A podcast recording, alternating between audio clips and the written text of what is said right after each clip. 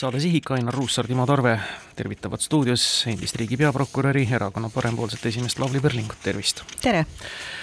kõiki meie parlamendierakondi peale sotside on pärast Riigikogu valimisi nüüd aasta jooksul vapustanud erinevad poliitskandaalid. Keskerakonnast ei tasu siinkohal rääkida, Johanna-Maria Lehtme küsimus, nüüd siis Isamaa, Tõnis Mölder, Reformierakonnas on sisetülid. see ongi siis Eesti poliitika täna, aastal kaks tuhat kakskümmend neli tõsi on see, et eks kõik parlamendierakonnad vastutavad selle poliitilise kultuuri eest, aga aga veel tõsisem on see, et nad vastutavad ka kõik selle eest, kuhu me täna jõudnud oleme, kui me mõtleme Eesti majanduse peale, kõik see kaheksa kvartalit majanduslangust, inimesed kaotavad tööd, jah, sellest vastutavad kõik parlamendierakonnad. altkäemaksu andmine ja selle võtmine on peenik värk, see ei tähenda ja ammu enam hämara nurga taha sularaha kellegi taskusse poetamist mis muudab korruptsioonijuhtumite uurimise eriti keeruliseks? korruptsioon on varjatud, korruptsioon on nagu vähk kivi all, kes kardab äh, päevavalgust, korruptsioon kardab läbipaistvust, korruptsioon kardab ausust, korruptsioon äh, kardab äh, kõike seda, mis on riigijuhtimisel õige. Ja kuna ta on varjatud, siis, siis teda on ka raske avastada aga teistpidi palju olulisem on see, et on ta kerge või raske, oluline on see, et seda ei tohi kunagi fookusest välja lasta. et me võime küll rõõmustada Eestis, et me oleme rahvusvaheliste uuringute järgi seal suhteliselt eesotsas korruptsiooni tajumise indeksis, aga ma arvan, väikese riigi ambitsioon ei peaks olema väiksem ega suurem, kui olla ikkagi kõige väik-, vähem korrumpeerunud riik maailmas. ja mitte küsimus ei ole edetabelis ja küsimus ei ole pelgalt Äh, nendes altkäemaksudes. küsimus on palju laiem, küsimus on see, et äh, meie inimesed kas usaldavad riiki või ei usalda riiki. ja meie inimesed kaotavad usalduse riiki siis, kui nad ei saa aru, kust otsused tulevad. kui nad näevad, et riigi otsused on selline korporatiivse otsustamise tulemus. noh, ma ei räägi sellest, et äh, ega siis korruptsioon on üldiselt omakasuline. aga, aga ma olen ka veendunud olnud alati selles, et äh, selline saamatus ja rumalus soodustab korruptsiooni omakorda. kas teine teene vastu on korruptsioon, kui raha ei liigu? Ja ei, muidugi ta võib olla korruptsioon, sellepärast et äh, korruptsiooniskeemid lähevad üha keerulisemaks Eestis äh, rahvusvaheliselt. ega me juba aastaid räägime, et teenused, raha, töökohad, tulevikuteenused, krüpto, alt, altkäemaks krüptos ja nii edasi ja nii edasi, et et äh, see areneb koos ühiskonnaga. no seesama Kaitsepolitseiameti kahtlustuse rõhutame, mis puudutab nüüd Riigikogu Tõnis Mölderit, on nüüd seesugune, mis ju tegelikult ammu lõhnas temaatikalt sellise korruptiivse ja ka korporatiivse käitumise järele, ehk siis need palju kõneldud ja kirutud katuserahad viisid nüüd selle kahtlustuseni. kas te oskate oma pika kogemuse põhjal öelda, kui palju sellistest hämaratest rahatehingutest välja tuleb, pooled, kolmveerand? palume nüüd hinnata midagi, mida hinnata ei ole võimalik, aga proovime ega seda ei oska keegi päris täpselt öelda, palju välja tuleb, et äh, kriminoloogid on öelnud üldiselt kuritegevuse kohta, et sellises demokraatlikus riigis viisteist protsenti kuritegevus üldse tuleb, kuritegevust üldse tuleb välja, et äh, samas äh, ma olen öelnud seda prokurörina, ütlen seda täna poliitikuna, inimesena, et need, kes selliseid tegusid toime panevad, need peavad teadma, et varem või hiljem nendeni jõutakse samal ajal küsimus ei ole jällegi ainult õiguskaitsesüsteemis, õiguskaitsesüsteem teeb oma tööd ja las ta teeb, et palju tugevamad hoovad on ikkagi kõik see, mis puudutavad eh, sisemisi selliseid kontrollimehhanismi kultuuri, ehk siis kui me vaatame, et kui erakonnad aktsepteerivad sellist käitumist, siis, äh, siis see ainult soodustab selliseid, selliseid äh, tegusid.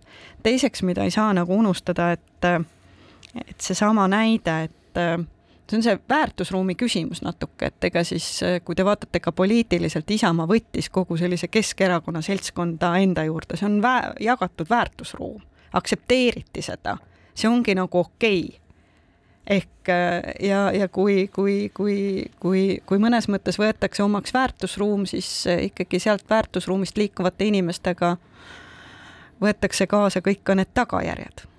milline on teie kui parempoolsete juhi või ka teie isiklik arvamus, kas äh, kuidagi Riigikogu liikmete tasustamise süsteemi tuleks muuta, nojah, katuserahasid enam ei jagata, aga kuluhüvitised on ka aeg-ajalt probleeme tekitanud. Jah, parempoolsed on olnud seisukohal enne valimisi, me ütlesime, et me oleme nii katuserahade kui kuluhüvitiste vastu, selles mõttes, et palk peab olema läbipaistev, inimesed peavad palga eest tööd tegema, et põhimõtteliselt nii lihtne see on, ükskõik, kas see puudutab Riigikogu liikmeid, õpetajaid või ükskõik keda muud. tehakse tööd, siis saab palka ja, ja raske töö eest tulebki maksta ka väärikat palka, et täpselt nii me arvamegi.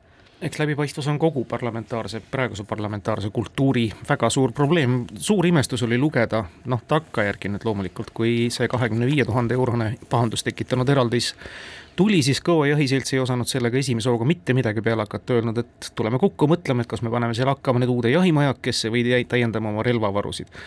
ehk siis no see on üks asi, et katuseraha saaja ei tea täpselt ka, mis ta selle rahaga pihta hakkab, aga laiemalt võttes, ega me laiemalt ei tea ka seda, mis riigieelarves toimub sees seda on korduvalt ette heidetud, seda läbipaistvust seal ei ole ja see on nüüd oht korruptsiooniks absoluutselt kõik läbipaistmatud protsessid soodustavad äh, korruptsiooni.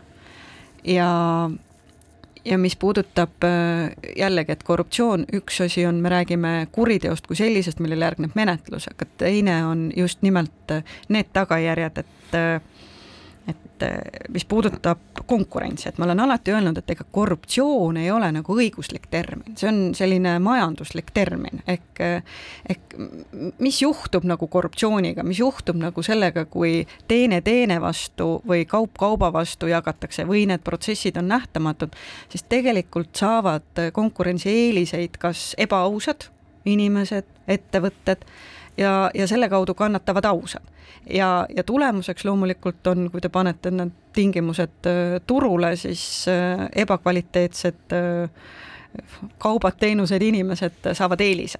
aga, aga jällegi, et noh, kultuur ja kõik see on selline ümmargune, et tegelikult kõik algab ikkagi juhtidest, kõik algab nagu erakonna juhtidest, asutuse juhtidest, inimestest, kes kas mingilgi moel aktsepteerivad ja õigustavad sellist hämarat käitumist või nad proovivad seda nagu muuta. Ja tegelikult, kui te vaatate, mis puudutab riigieelarvet, siis äh, see see selline läbipaistmatus ja arusaamatus justkui sobib poliitilisele eliidile, sellepärast et hämaras saabki teha nagu selliseid äh, veidraid otsuseid ehk äh, alustada tulebki sellest, et äh, see selline saamatu selline riigijuhtimine ja hämarad otsused peaks ilmselgelt asenduma selgete otsustega, konkreetse sellise ettekujutusega, millist Eestit me ehitame.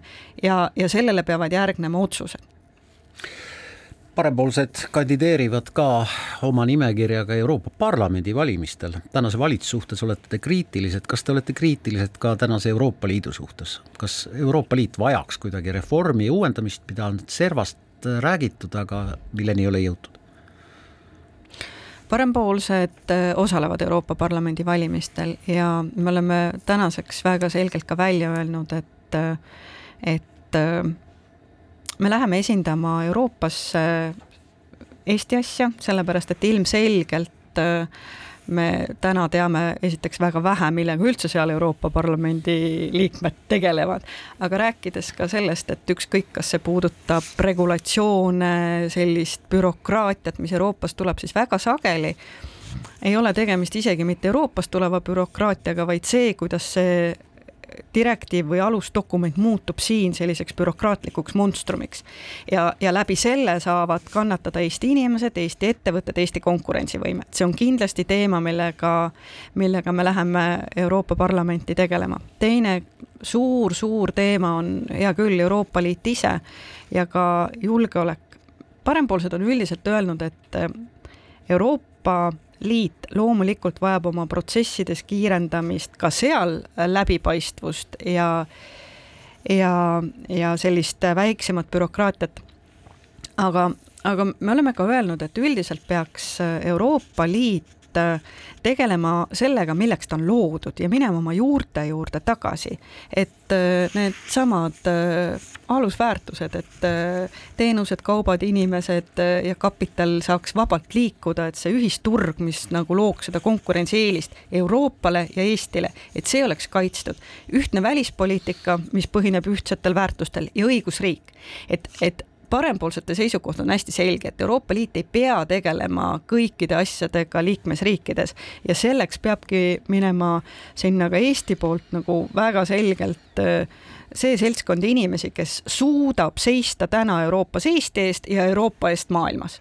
suur tänu meie stuudiosse tulemast, endine riigi peaprokurör, erakonna Parempoolsed esimees Lavly Perling. aitäh